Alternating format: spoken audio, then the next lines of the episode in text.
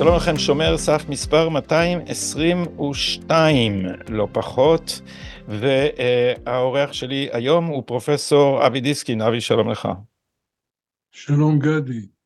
אבי הוא פרופסור אמריטוס למדעי המדינה אה, באוניברסיטה העברית, וגם סופר וגם פסל ועוד כל מיני דברים, ובעל דעות בעניינים אה, שונים. אה, אבי, אולי נתחיל מה, מהאקדמיה. אה, מאז שפעם אחרונה שוחחנו, ראינו את הסערה סביב הפגנות uh, תמיכה בחמאס בכל רחבי האקדמיה האמריקאית, ראינו את הבושה והחרפה של שלוש נשיאות של מוסדות מובילים, כולל הרווארד, לא מסוגלות לגנות אנטישמיות. האם כל זה היה צפוי והאם זה יגיע גם אלינו? האמת היא שראינו מחזות די נוראים אצלנו. אני רק מזכיר שכאשר אה, עבר העניין של פסקת ההתגברות, אז זה היה מצעד, אה, אני חושב, של כל נשיאי האוניברסיטאות בארץ, או של רובם, הרקטורים, כולל משפטנים, שצריכים לדעת שמדובר ב... לא בקץ הדמוקרטיה, אלא בהפגנת שווא לא חוקית אפילו, הייתי אומר, אז אה, מה לנו קינלינה למדינות אחרות, אם אה, האקדמיה קורסת אצלנו באמת אה, באופן די מזעזע. אתה מתכוון... אני לא צריך להגיד לך, אתה מסתובב במסדרונות, אני כבר לא. בוא נגיד, העניין הזה נחסך ממני. יש בעיה, יש בעיה באוניברסיטאות בכל העולם המערבי, ובארצות הברית זה פשוט בא לידי ביטוי אה, בעוד מופע קיצוני, לא מופע ראשון, לא מופע יחיד, זה דבר שאנחנו רואים הרבה כמותו. אמ, כשאתה מדבר על הפגנה לא חוקית, אתה מדבר על הניסיונות להשבית את המוסדות האלה, על הפגנות בתוכם, בזמן, ה... אנחנו מדברים על תקופת, תקופת הרפורמה. אני מדבר למשל ביום שהייתה הצבעה, שבה הוכרז על ידי אה, כל מי שנתנו לו מיקרופון שהדמוקרטיה הגיעה לקיצה, כי עבר התיקון לסעיף 15 בחוק אה, יסוד השפיטה, אה, שהגביל את, את עניין הסבירות. זה קץ הדמוקרטיה, זה היה מצעד של נשיא אוניברסיטאות על, על הכנסת. אני לא חושב שכל דקה במצעד הזה, כל רגע בהפגנה הוא שר בדיוק כפי שהוא בוצע על ידי המשטרה, ולכן ברור שיש פה עבירה על החוק. וכמובן על דבר שהוא בבחינת זוטות. אני כבר לא מדבר על הפסיקה של בית המשפט בעניין הזה, שהיא גם כן קצת, אה, בוא נגיד, נסתכל לרגע מהצד, היא קצת משעשעת. כן, העניין הוכרע בבית המשפט ברוב של כל אחד כאשר שתיים מאלה שהכריעו בכיוון אחד הן כבר לא שופטות מכהנות, ואם נוציא אותן מהמניין, אז uh, הרוב הוא של כל אחד בכיוון השני. ונאמר בפסק הדין, עם, עם נימוקים באמת שהם בגדר סאטירה מטורפת,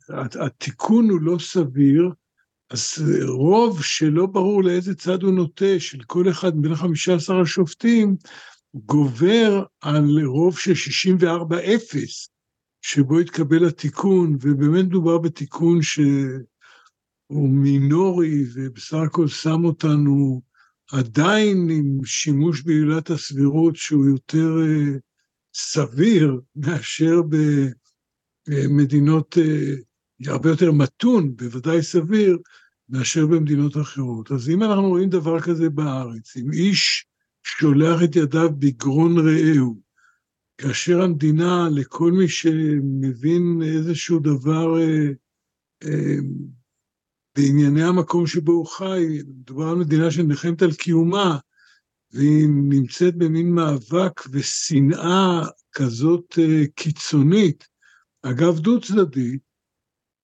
מה לנו כנלין על נשיאות האוניברסיטאות האמריקאיות? שלפחות שם יש אה, תירוץ הגיוני, למשל תמיכה של אה, קטאר במכונים כאלה ואחרים. פה זה בלי שום תמיכה, זה נעשה רק uh, בגלל סיבות דמיוניות. אני לא זוקף את הכל לעניין התמיכה של קטאר מפני ש... לא, לא, אתה צודק. יש כאן הרי גם ריקבון אינטלקטואלי מתמשך, שאתה יודע, אמי החכמה, אולי אתה הכרת אותה, אני לא, לא יודע, מרית טאוב. הכרתי היטב את אביך דווקא. כן, כן, אבי היה, היה מוכר בחוגים בירושלים, מדעי המדינה, כלכלה, אה, הוא היה, הוא היה הרי כלכלן. אה, אבל אמי התחילה להיות אה, מודאגת מאדוארד סעיד בתחילת שנות התשעים או משהו כזה. ובאמת מה שאחז באוניברסיטאות אה, לימים הפך למין מחלה אוטואימונית של המערב כנגד עצמו שפורץ את עצמו ומשתטח בפני הכוחות המכוערים ביותר בעולם בהתרפסות שהיא גם פשיטת רגל רעיונית. והאם תסכים איתי ש, שאדוארד סעיד פשוט נהיה אינטלקטואל המייצג יותר מכל אחד אחר את רוח הזמן באקדמיה שלנו בזמננו? אני לא אומר עוד הישראלית, בואו נדבר על המערב. אני לא יודע אם מייצג, בוא נגיד שהוא אה, אה, דמות אה, מאוד בולטת במהפכה. תראה, הבעיה היא, הבעיה היא ש... לא נעים להגיד את זה, אבל אני חושב שהבעיה המרכזית, בנוסף לדברים שאתה מדבר עליהם לעיתים קרובות, העניין הסוציולוגי והנטיות ה... של כל מיני הגות אוניברסלית ולוקאלית ונייחים וניידים וכל מיני דברים מהסוג הזה, אני חושב שהבעיה המרכזית היא שאנשים לוקחים את עצמם יותר מדי ברצינות. ובה בעת הם אנשים, אנשים הם די שטחיים. זאת אומרת, אתה שומע אה, סיסמאות שנשמעות טוב, סיסמאות שנשמעות טוב מאנשים אה, שיש להם אה, סמכות, מה שוובר כבר כתב עליו, נדמה לי ב-1911, במהדורה הראשונה של, של הפוליטיקה בתורת מקצוע. אז אתה, אנשים נכנעים לכל מיני סיסמאות, בלי שהם מבינים בדיוק במה מדובר. הם לגמרי נכנעים למיליה שלהם, לסביבה. הם uh, מאוד uh, מעריכים אנשים שראויים להערצה, אינטלקטואלים, שמתערבים בעניינים שהם לא בדיוק uh, מבינים בהם. אז יש פה איזה מין עניין חברתי, וכשאתה, המציאות טופחת על פניך, אז קשה לך, קשה לך להגיד, אה, דיברתי שטויות, טעיתי. אני למשל אה, כל יום טועה, אני עוסק בחיפוש טעויות בעצמי, וגם בעניינים הפוליטיים. בוא, בוא נגיד, מה שקרה ב, בשמחת תורה, ב-7 באוקטובר, אה, שינה דעות מאוד בסיסיות שהיו לי, ואני חושב שטעיתי בהרבה דברים. אני אשאל אותך על זה, אני אשאל אותך על זה, זה מאוד מעניין, אני רוצה רק אה, לפני שאנחנו עוזבים את הנושא הקודם. זה הפנייה לסיסמאות ולמיליה, והסיסמאות הן אה, בכיוון מסוים אחד, ובוא נגיד המיליה במדעי החברה והרוח בצורה מאוד שטחית נוטה בכיוון אחד, וזה לא שונה מהגברת ההיא שפסטינגר ושני החברים שלו גילו כשהם כתבו את ה... כשהנבואה הנכזבת, כן, ב-1950 כן. ומשהו, היא יוצרת דווקא הקצנה, שניבאה כן. את סוף העולם. אז ברגע שהמציאות טפחה על פניהם, אז הם מיד מצאו הסבר, שאגב מתאים לכל ההסברים של אנה פרויד על, אה, על, על אה, אה, מנגנוני הגנה. כולם פועלים ביחד עם פסטינגר, ואנשים אה, מתחפרים בדעות שלהם, מפני שהם פשוט אה, באמת אנשים טובים, אנשים שרוצים, אנשים שאפילו מעריצים אה, דמויות שראויות להערצה. אבל בוא נגיד, וכאן נוסף לזה כמובן כל העניין החברתי, שאתה נאבק נגד פושעים, בבונים, משיחיים, דוסים, פרימיטיביים, והאנשים שהם בדיוק ההפך מזה, הם אה, משתמשים בסיסמאות הנכונות ובלשון הנכונה ולא מדברים עם הידיים.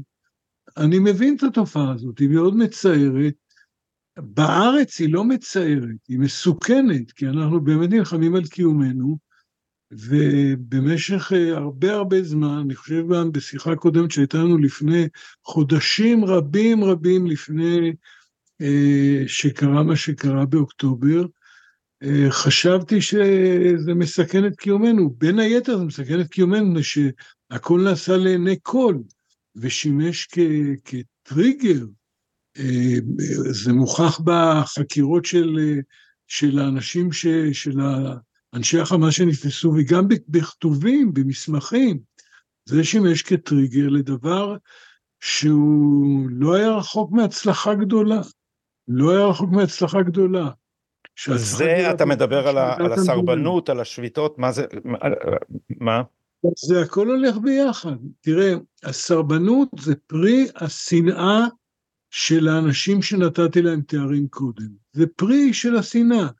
והם לא משלנו, הם לא, הם לא, הם, הם, והם נוהים אחרי זה עדת פושעים שמונהגת על ידי ארכי פושע, מי שעוקב אחרי המשפט כמובן, בוא נגיד לכל הפחות יש לו שאלות בעניין הזה, האמנם מדובר בארכי פושע או באדם שנרדף בגלל חמגשיות וצוללות וזה שהוא כן סימפטי או לא סימפטי, ולא מאיר פנים לאנשים, ויש אנשים שרוצים לנקום בו על זה ש... או מקנאים בו, זה פשוט, הכל הולך ביחד, זה הכל הולך ביחד. הדבר הנורא הוא א', שרוב האנשים ששייכים למחנה הזה, גם בהרווארד דרך אגב, גם בהרווארד ובאוניברסיטאות המובילות האחרות, רוב האנשים אנשים טובים, אך נגיד את האמת, מטומטמים ובורים. אלה אבל ההמונים הקונפורמיסטים יש יש ביניהם גם טובים יש ביניהם סתם כאלה שהם אנחנו יודעים איך זה בנוי ואיך הקונפורמיזם הוא... מוכנים להרוס הכל בשם קנאתם. כבר נאמר בפרקי אבות נכון הקנאה והתאווה והכבוד מוציאים את האדם מן העולם. אבל יש גם אה, אנשים שאינם טובים בשום אה, צורה ו, ובמהלך המאבק על הרפורמה בזה אני רוצה אה, זה הדבר שרציתי להגיע אליו לפני שאנחנו עוברים לשבעה באוקטובר אה, שממש ניהלו מסע שקרים כדי להטעות את הציבור. אנשים ממדעי המדינה ממשפטים שניצלו את סמכותם המקצועית כדי להבהיל אותנו מהרפורמה ולספר לנו שקרים גמורים על השוואות למדינות אחרות ועל, ועל דברים רבים אחרים וזה ממש בגידת אה, אינטלקטואלים. אני חושב שיש הרבה אנשים באקדמיה שאכן שיקרו ביודעין, אבל יש תירוץ, כן? המטרה מקדשת את האמצעים. אם אתה נלחם בשלטון נבחר שהוא אסוני, כך אתה מרגיש. אתה מרגיש כי הוא לא משלך, אתה מרגיש כי אתה מקנא, לא חשוב למה אתה מרגיש. אז המטרה מקדשת את האמצעים. בוא נגיד, מה שנעשה פה עם מערכת המשפט זה דבר שאין לו אח ורע בשום מדינה בעולם. אין משמעות בכלל לחוק, אין משמעות לשום דבר. אה, אנחנו מדברים למחרת אה, פסק, פסק הדין אה, בעניין בן גביר, שכאילו יש איזו נסיגה, אני לא מציע להתייחס לזה ברצינות. לחוק אין שום משמעות במדינת ישראל, הפרשנות בגלל בית המשפט, בגלל בית המשפט. בגלל בית המשפט, בוודאי, בגלל המגלומניה. אני קורא את פסקי הדין, אה, למשל, אני סתם נותן דוגמה אחת מיני אלף, מוסבר שם על ידי יותר משופט אחד, שהרשות המבצעת במדינת ישראל היא יותר חזקה בהרבה מאשר בכל משטר דמוקרטי אחר, ויש הנמקות לעניין הזה. אבל איך שלא תמדוד את זה, פשוט ההפך הוא הנכון. פשוט ההפך הוא הנכון. אם אתה מסתכל למשל על מספר הבחירות שנערכו רק בעת האחרונה, אם אתה מסתכל על בחירות, כמה בחירות נערכו במועדן מאז נניח 1988, למעשה אף אחת, אולי בספק 92, אוקיי? נניח, בספק אם זה 92 זה נכון.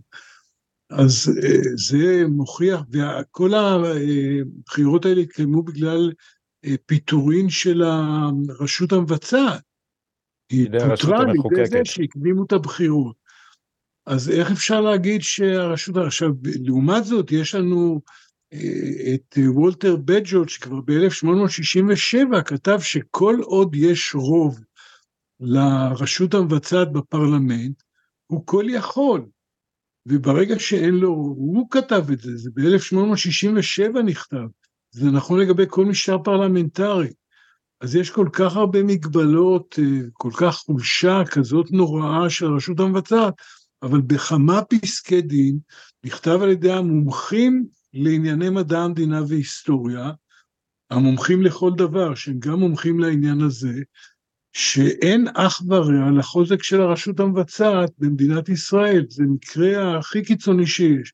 ועוד כל מיני דברי הבל כאלה, פשוט לא יאומן, לא יאומן. ככה אבל, אבל מה עושים אבי? מה עושים? תראה, אני כתב את זה הרי, אחד, ה, אחד הגילויים המגוחכים ביותר של זה היה פרופסור אה, יצחק אה, זמיר שכתב שלנו אין משטר פרלמנטרי, יש לנו משטר קואליציוני, שבו ראש הממשלה שולט בממשלה והממשלה שולטת בקואליציה, ולכן בעצם הם רק רשות אחת. פרופסור יצחק זמיר. עכשיו כשהשיח הוא שיח שוטים מהסוג הזה, זה התפרסם בהארץ כמובן. אה, היה, סליחה, היה אחד בהארץ שהוא אמר את זה ואחד בידיעות שהוא אמר את זה. היו שני, שני מאמרים פרוגרמטיים של אה, השופט העליון לשעבר והיועץ המשפטי הכושל לשעבר יצחק זמיר. אז כשזה השיח שמנהיגה אותו, הרי יש היררכיה, ישנם ישנם אנשים כמוך, אה, כמוני, יושבים באקדמיה, אה, יוצרים שיח שאמור להיות אה, מיושב בדעתו, מתוד, מתודולוגי ומנומק, ואז יש פופולריזטורים, ישנה עיתונות שמפיצה את הרעיונות, אבל אם העיתונות בוגדת בתפקידה, בוחרת רעיונות מעוותים, הופכת את, את התיאוריה הקיצונית המופרעת של יניב רוזנאי לאיזה דבר שהוא מיינסטרים, אז איך מתמודדים עם זה בכלל? אני לא יודע, זה קשה מאוד להתמודד עם זה. בוא נגיד שהרפורמה הייתה צריכה להתמודד עם זה, אבל היא נענתה אה, על ידי אספסוף, בוא של נגיד... של פרופסורים. אספסוף של פרופסורים בין היתר, ושל גנרלים, ובעצם עמדנו כתוצאה מהרפורמה שהייתה מתונה ומינורית.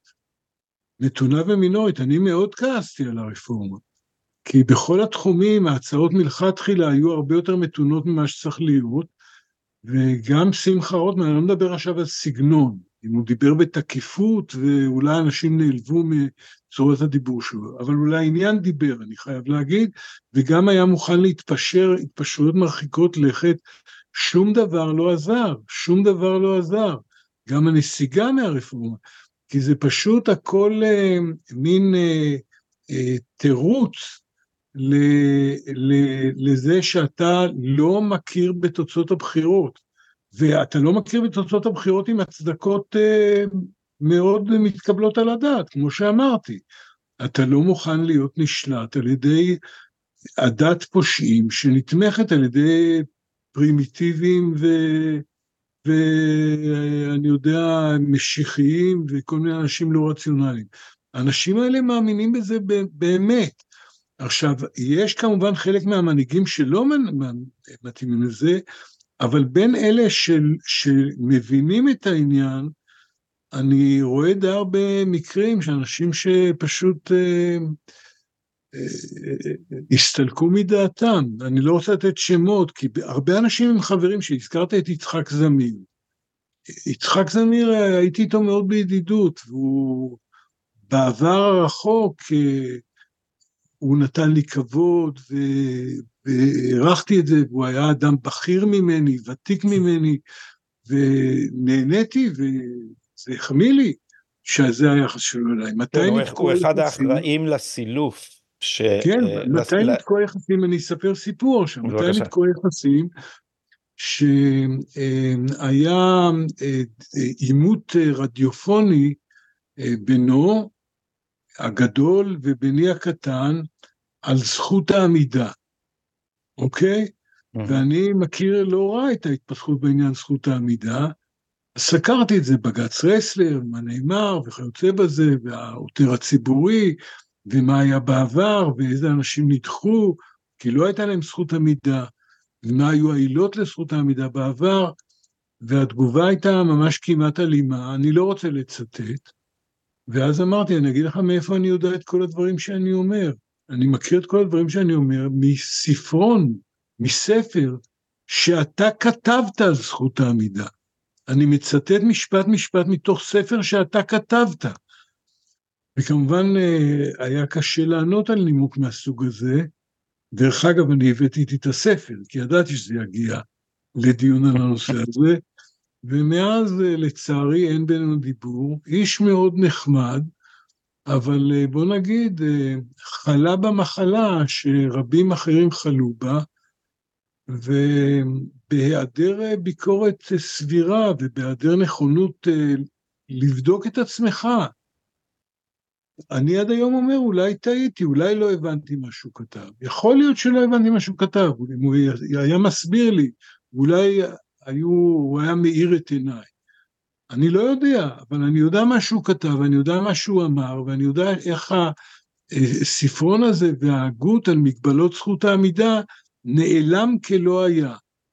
אוקיי? כאילו לא פורסם מעולם הספרון, זה נדמה לי שפורסם באוניברסיטה המשודרת, או משהו מהסוג הזה של... אה, גלי צה"ל. גלי צה"ל. פשוט נורא. עכשיו, הוא לא יחיד, ותאמין לי, הוא... אבל, אבל לפני שאנחנו עוזבים את זמיר, זמיר גם היה שותף בכיר. בהונאה שסילפה את אה, מסקנות ועדת אגרנט מ-1962, שדנו בשאלת סמכותו של היועץ המשפטי, ושם נאמר מפורשות שהיועץ המשפטי רק מייעץ לממשלה, איננה מחויבת לקבל את החלטותיו, ויצחק זמיר, ואחריו אהרן ברק, אבל יצחק זמיר נדמה לי בהרצאה באוניברסיטת תל אביב, נדמה לי 1986 בשלהי כהונתו כיועץ משפטי לממשלה או קצת אחריה, אמר ששם נאמר שהיועץ המשפטי הוא הפרשן המוסמך של החוק ולכן מה שהוא אומר מחייב את, את הממשלה פשוט הפוך ממה שכתוב בדוח ואחר כך ברק אהרון ברק כמובן אימץ את זה אחר כך ב, כשהגענו לפרשת אה, אה, דרעי פנחסי. וחלק מהדברים האלה צריך לקרוא לשקר שקר. האמת היא אתה מדבר, על פסק הדין אה, אולי החשוב ביותר בתולדות מדינת ישראל זה פסק הדין אמיתי כי היה גם פסק דין של שמגר בעניין דרעי והפסק דין של ברק הוא בעניין אה, פנחסי, אבל בואו נעזוב את פנחסי ודרעי, מה שנקבע שם זה שראש הממשלה הסביר, ענייני סבירות, נאמר ממש במילים האלה. ראש הממשלה הסביר הוא היועץ המשפטי לממשלה, ואם ראש הממשלה האמיתי, אוקיי, שנבחר בדרך עקיפה על ידי הפרלמנט, עושה דברים לא סבירים, אז צריך לשמוע מה שראש הממשלה הסביר אומר. שזה היועץ המשפטי לממשלה. אגב, שהתחמק מהופעה לבית המשפט ושלח את פרקליטת המדינה להופיע במקומו. ונאמר שם עוד, פשוט לא יאומן הדבר הזה, ונאמר שם עוד שאפשר, לה, היועץ המשפטי יכול להכריח את ראש הממשלה לעשות דבר שהוא לא חוקי, שהוא לא נדרש בחוק, שהוא מנוגד לחוק ולתקדימים בעבר, יכול להחזיר אותו, והדבר השלישי, זה לא משנה המקרה הספציפי. לא, אבל להגיד שזה לא חוקי, לא... זה, זה דבר שהחוק לא מחייב, זה לא דבר שהוא בלתי לא, חוקי, אבל, הוא לא דבר אבל אסור. אבל היו תקדימים, היו תקדימים, ותמיד זה נמנע בעצת היועץ המשפטי. אז כשרצו להיפטר מבן אדם, הראשון היה שרת, ב-1955 שרת רצה לפטר ארבעה שרים, לא חשוב כרגע העניין הספציפי. עוד לא היה חוק יסוד הממשלה, לא בגרסתו הראשונה, השנייה והשלישית. היה חוק אחר, אבל ההסדר נשאר, הוא רוצה לפטר ארבעה שרים, אז הוא התפטר בעצמו. הממשלה נפלה והוא הרכיב את הממשלה מחדש בלי ארבעת השרים האלה. ארבעה שרים במכה. בן גוריון עשה את זה ב-58, דרך אגב, על הדלפה מישיבת ממשלה. אוקיי, התפטר והקים ממשלה חדשה והחתים את השרים על זה שהם לא ידליפו יותר מישיבות הממשלה, אפרופו עניינים שמדובר בהם בימים אלה. אז עכשיו, לא זו בלבד מה שנאמר בפסק דין אמיתי, אלא גם נאמר, שבעצם נגזר על הממשלה, על שרי הממשלה ועל ראש הממשלה, שהם הגורמים היחידים במדינת ישראל שלא זכאים לייצוג משפטי. אם uh, היועץ המשפטי בדעה הפוכה משלהם, והוא מחליט לא לאפשר להם לקבל ייצוג משפטי.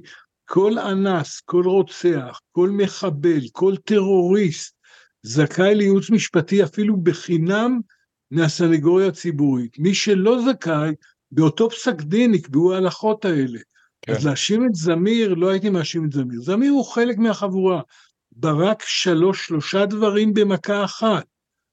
כן. שלושה דברים במכה אחת, והשיא אולי, באמת זה הדבר האחרון שאמרתי, ראש הממשלה זה לא ראש ממשלה של הימין, זה ראש ממשלה של השמאל, זה יצחק רבין.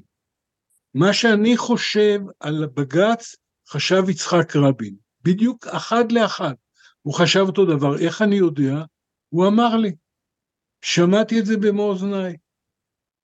זה לא מדובר... מה הוא אמר? מה שאני אומר, שזה לא סביר. למשל, המשפט הזה שאמרתי עכשיו, איך זה יכול להיות שכל אחד זכאי להגנה משפטית אם הוא מוכן לשלם את השכר ואם הוא לא מסוגל מהסנגוריה הציבורית, פרט לראש הממשלה, הוא לא הרחיב את זה לממשלה כולה ולשרים, שזה המצב האמיתי. זה שמעתי במו אוזניי מיצחק רבין. אבל זה דברים לא סבירים, זה דברים, אין לזה קשר לימין ולשמאל ולניציות ולדתיות. אני לא אדם ימני, אני לא דת, אדם דתי, אוקיי? אני לא ימני בענייני חוץ וביטחון, עכשיו כבר כן, אחרי השביעי באוקטובר, אבל גם לא בענייני חברה וכלכלה.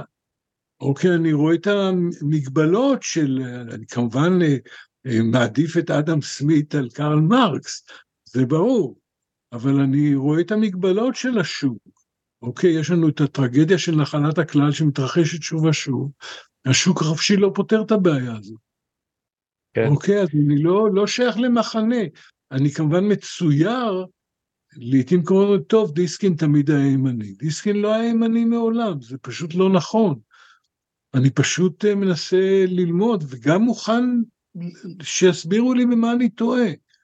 אז, אז אה, תגיד, אהרן ברק ניצח אותנו, אותנו, את הדמוקרטים, את הציונות, את כל מי שמאמין בזכותו של הציבור להגדרה עצמית, הרי ייסדו פה שלטון בעצם עם, עם פסק דין פסילה, מרגע שהם פוסלים גם חוקי יסוד, בעצם אה, אם, אם נשתמש, כן, זה, זה אה, הרי הרי סילפו את השפה הפוליטית ואת מדעי המדינה במשפטיזציה של כל המושגים שחלקה אנחנו יודעים היא פשוט אה, ג'יבריש, אז האנשים האלה כתבו כל מיני הררים של מילים, שאם אתה מסתכל עליהם בתמונת רנטגן מהצד בתור מהמקצוע שלך כאיש מדעי המדינה, אתה אומר בעצם הריבונות עברה לבית המשפט, סמכות ההכרעה האחרונה בכל עניין נמצאת בבית המשפט בישראל, בעצם דיבור, הדיבור על דמוקרטיה הוא אה, מופרך. לא, זה, זה, היה, זה היה בסדר, תיאור שאתה אומר אה, מוצא חן בעיניי ויכול להתקיים בדמוקרטיה, אם בית המשפט היה פועל לפי החוק. אבל ברגע שהוא לא פועל לפי החוק... האומנם זה... אתה, אתה מוכן שבית המשפט יכריע גם בעניינים אה, כתיבת החוקה? אם החוק קבע שזה מה שיקרה, הכנסת החליטה ברוב כפי שראוי לאספה מכוננת אוקיי? נניח שזה רוב של 80 או 90, עם משאל עם, או רוב של שלוש מול שניים. אז אם הכנסת אומרת, ובית המשפט דבק בלשון החוק, בבקשה, אבל בית המשפט בז ללשון החוק. זה פורמליזם עקר, מה זה, אבל, לשון החוק אבל, היא לא קובעת. אבל אנחנו מדברים פה על דבר, על דבר חדש. שאלת אם הם ניצחו. כן. בשלב זה, זה המצב, כן, אנחנו חיים במדינה שהיא לא דמוקרטית, כי אין בה שלטון חוק, אין בה שלטון חוק. אין בה ריבונות הציבור, חסר משמעות. קודם כל, אין, קודם כל אין בה ריבונות הציבור, אחר כך גם אין בה, אין בה שלטון חוק, אז עם מה... הא בהא תליא, הא בהא תליא. כן. כי הציבור מכוון את דרכיו באמצעות החלטות נציגיו, שזה הכנסת. והכנסת בראש ובראשונה מקבלת החלטותיה על ידי חוקים. ואם לחוקים אין משמעות, בעיניי חוקים וחוקי יסוד היינו הך, זאת הייתה התפיסה שהייתה מקובלת עד פסק דין המזרחי ב-95. אם החוקים אין להם משמעות, דרך אגב זה, זה בין היתר כל העניין של הפרשנות התכליתית גם, אוקיי, שאתה יכול לפרש חוקים, ההפך מה שהם אומרים, ולהסתמך על עובדות, כמו שנתנו דוגמה, אני יכול להביא דוגמאות יותר מסמרות שיער, שפשוט אה, לא, אין, אין להם שחר לטיעונים. למשל, דוגמה שאני אוהב להביא, בפסק הדין בעניין בית הסוהר הפרטי, אז, אז ב, ב, ב, בפסק הדין הארוך אתה מוצא הסתמכות על הובס. עכשיו, הובס, בוא נגיד, הלב של הגותו זה שאין צדק חוץ מאשר קיום הסכמים. עכשיו, פה היה ביטול של הסכם שנסמך על ידי חקיקה של הכנסת בשם הובס, שההפך מבחינה הגותית זאת ההגות שלו. אבל נאמר, הובס אמר, אז פשוט, דרך אגב, אני, יצא לי לדבר עם איזה גברת שהייתה מעורבת כמתמחה בכתיבת הפסק דין הזה, אבל ההפך מהמציאות, אז זה פשוט לא יאומן. נתנו קודם את הדוגמה של אה, הרשות המבצעת החזקה ביותר בעולם, כשממש ההפך הגמור הוא הנכון. פשוט דברים שלא יאומנו, לא יאומנו. עכשיו זה נאמר בשם סיסמאות, מן המפורסמות הוא, כבר אמרנו. כדאי לבדוק פעם את המשפט כבר אמרנו ולהגיד מה נאמר כן. באמת. כבר קראנו בפסיקותינו בהרכב מורחב, אמר השופט פוגלמן על החידוש כן. האחרון של בית המשפט שמותר לפסול חוקי יסוד. אבל אם אתה בודק מה הם אמרו באמת, הם לא אמרו מה שהם אומרים שהם אמרו. אפילו זה לא נכון. לפעמים זה נכון, אבל לפעמים גם זה לא נכון. כן. פשוט לא יאומן, זה, אה, בוא אה, נגיד, הרמה היא, הרמה היא של מאמרי דעה לא מהסוג הטוב בעיתונות היומית. זאת הרמה של פסקי הדין. הפרטנזיות הן ברמה של מלאכי שרת שירדו להוליך אותנו בדרך הנכונה, בדרך הישר. אה, אבי, אמרת ששינית את דעותיך בעקבות שמונה באוקטובר. בוא תגדיר את השינוי. תראה, אה, אמרתי את זה בריאיון אה, למחרת היום, בשמיני באוקטובר. אה, בשמחת תורה, את תסלח לי על המיסטיקה, אני לא אדם מאמין, אבל אני לא יכול להימנע מהסמליות. 12 יום אחרי הפרעות של יום כיפור, פרעות של יום כיפור, שהיו בתל אביב, 20 פיצוצים של תפילות, אוקיי? וכשנכנס הצום חוגגים את כניסת הצום בשתיית אלכוהול פומבית ובקריאות תסתלקו מפה לאנשים שהם, יש להם אמונה אחרת, שדרך אגב אני לא אדם דתי, אני לא שותף לה, אבל יש לי כבוד למי שמאמין באמונה שלא מזיקה לי. אז בוא נגיד בצורה, 12 יום אחרי זה, בשמחת תורה, חיכינו לפרעות של שמחת תורה. זאת הייתה צפויה להיות החדשה המרכזית בערב, בערבו של אותו יום.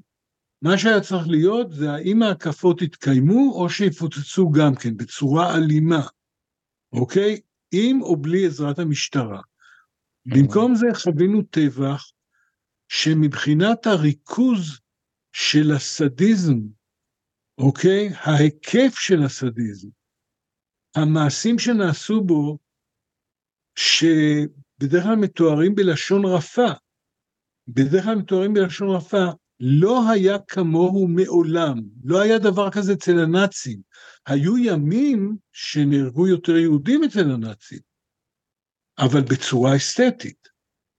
כן, בוא נגיד, זה, כן, זה חלק מהזוועה, לא, לא כרתו היא... איברים מנשים אגב אינוסם, ולא שרפו אותם אחרי מותם, לא כרתו ראשים של תינוקות באופן סיטוני, אברי מין ועוד כיוצא באלה דברים, ילדים לעיני הוריהם, הורים לעיני ילדיהם, ואחרי זה באים אה, חשבון עם שאר המשפחה. לא היה דבר מרוכז כזה, אני חושב, בתולדות האנושות. אה, כמובן היו מעשים נוראים, היו מעשים נוראים. אז עכשיו, נוכח הנסיבות האלה, שקרה הדבר הזה, בוא נגיד, זה העיד משהו גם עלינו, ו... אבל בעיקר זה העיד על אויבינו. עכשיו, אני תמיד מוכרח להגיד, נותרתי עם חלום השלום. תמיד אמרתי, לא יהיה שלום בדורנו. כשתמכתי באוסלו, שלחתי לביילין ווייר לטוקיו, הוא היה בטוקיו ולי נודע בקנדה על הסכמי אוסלו, גם אפילו באיזה משהו מסוים הייתי מעורב, ביקשו ממני לשכנע את המארח הנורבגי באיזה נקודה שקשורה לנשק הגרעיני, נפגשתי איתו בירושלים, לא ידעתי על כל מה שקורה. אבל כשהכל יצא לאור, הייתי בקנדה, והיו לי שני תלמידים שלימים היו נהיו שני מנכ"לים של משרד החוץ, אבי גיל ואורי סביר, אז הם הכניסו אותי בסוד העניינים. שלחתי לביילין, זה ניסיון נאצל, אבל תבין שהדבר הזה קורה עם 50 שנות טרור. אם לא תהיה ער לזה שזה בא עם 50 שנות טרור, אם תשלו את עצמכם, יקרה דבר נורא. עכשיו אני חושב שטעיתי בגדול, אוקיי? כי לא היה סיכוי לשלום גם אם אתה היית ער לסכנות. אין סיכוי. פה אנחנו משחקים משחק של קונפליקט מוחלט בלשון של תורת המשחקים. אוקיי? זה לא אחד על חשבון השני, אלא זה ממש אחד על חשבון השני בקו שיורד לינארית, קו ישר שיורד כלפי מטה, אין שום מקום למשא ומתן, אין שום מקום לדיבור, זה קונפליקט מוחלט, וזה קונפליקט מוחלט שקיים כבר להוותנו לא מאז השביעי באוקטובר, אלא משחר הציונות. דרך אגב, אני, אני מדבר אליך, אני אספר לך אנקדוטה אישית. האבא שלי ניצל על ידי חאג' אמין אל-חוסייני ב-1929. ניצל על ידי חאג' אמין אל-חוסייני. ובכל אופן אני אומר זה קונפליקט מוחלט, היה ונשאר, ואין שום תקווה. איך, איך אביך ניצל על ידי חאג' אמין אל-חוסייני? היו פרעות בירושלים, זה סוף הסיפור, הסיפור קצת יותר ארוך, אני אקצר. היו פרעות בירושלים, ואבא שלי שהיה עול ימים, אני יודע, משהו כמו בין, אה, אה, בשנות ה-20 המוקדמות שלו, יצא להגן על המולדת, ונעלם, אוקיי? והכל ידעו מה קורה לאנשים שנעלמו ליד השער החדש ונתפסו על ידי ערבים. בערב הגיע טלפון, אוקיי? לא היו הרבה טלפונים בירושלים, אבל מספר הטלפון של המשפחה שלי, שפעם הייתה משפחה עמידה, מספרו היה 23. דרך אגב, הספרות 2 ו-3 גם מופיעות בטלפון האישי שלי, כי זה ירושה של אותו קו. 23. מהצד השני דיבר אדם מכובד, שאמר, איבנק מעי, והוא יחזור מחר בבוקר על הראסי, אוקיי? והדובר לפי הסיפור המשפחתי, לא הייתי שם, לא נולדתי, לא חשבו עוד לייצר אותי. הסיפור הוא שהדובר היה חאג' אמין אל-חוסייני. ומדוע הוא ניצל להבין? מפני שהחוסיינים זה משפחה של משפחת סוחרים, והסבא שלי, האבא של אבי, היו לו הסכם מסחר. אז מישהו אמר לו, זה הבן של דיסקין, זה הבן של דיסקין, תביא אותו אליי. אוקיי? לא נעצו בו סכין ולא חיסלו אותו. ולמחרת בבוקר הוא הגיע שלם ובריא. אוקיי? אז עכשיו אני חב את חיי אבי ואת חיי שלי לחאג' אמין אל-חוסייני. וכי זה אומר שיש סיכוי לשלום, וכי זה אומר שאין פה קונפליקט מוחלט.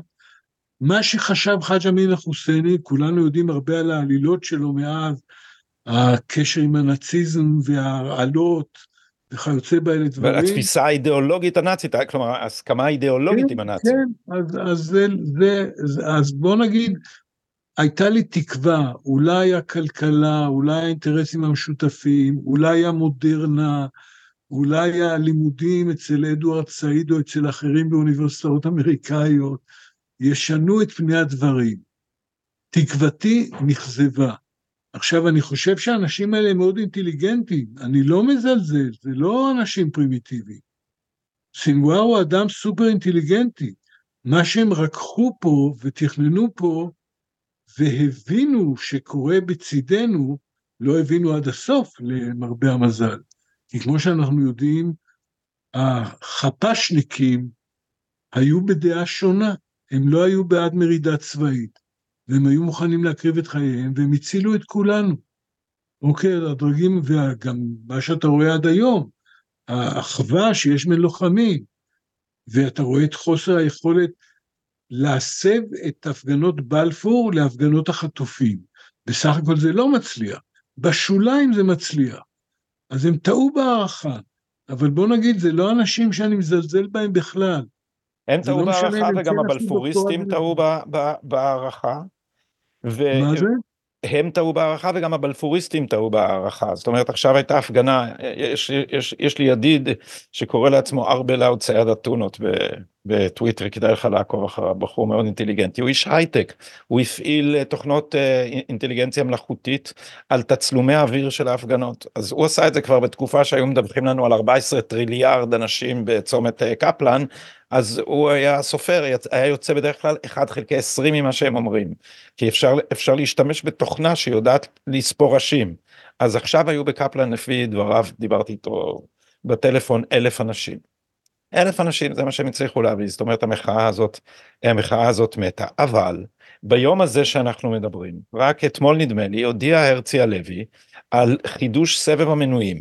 הוא הולך למנות את כל המפקדים הבאים של צה"ל, כלומר אה, רמטכ"ל הכישלון, הולך בעצם, זה, אלה האנשים שזרקו את ברק חירם מתחת לגלגלים, שדחפו אה, אה, הצידה את עופר וינטר, שמקדמים רק את כל בוגרי תוכניות הרווארד לפרוגרסיביות.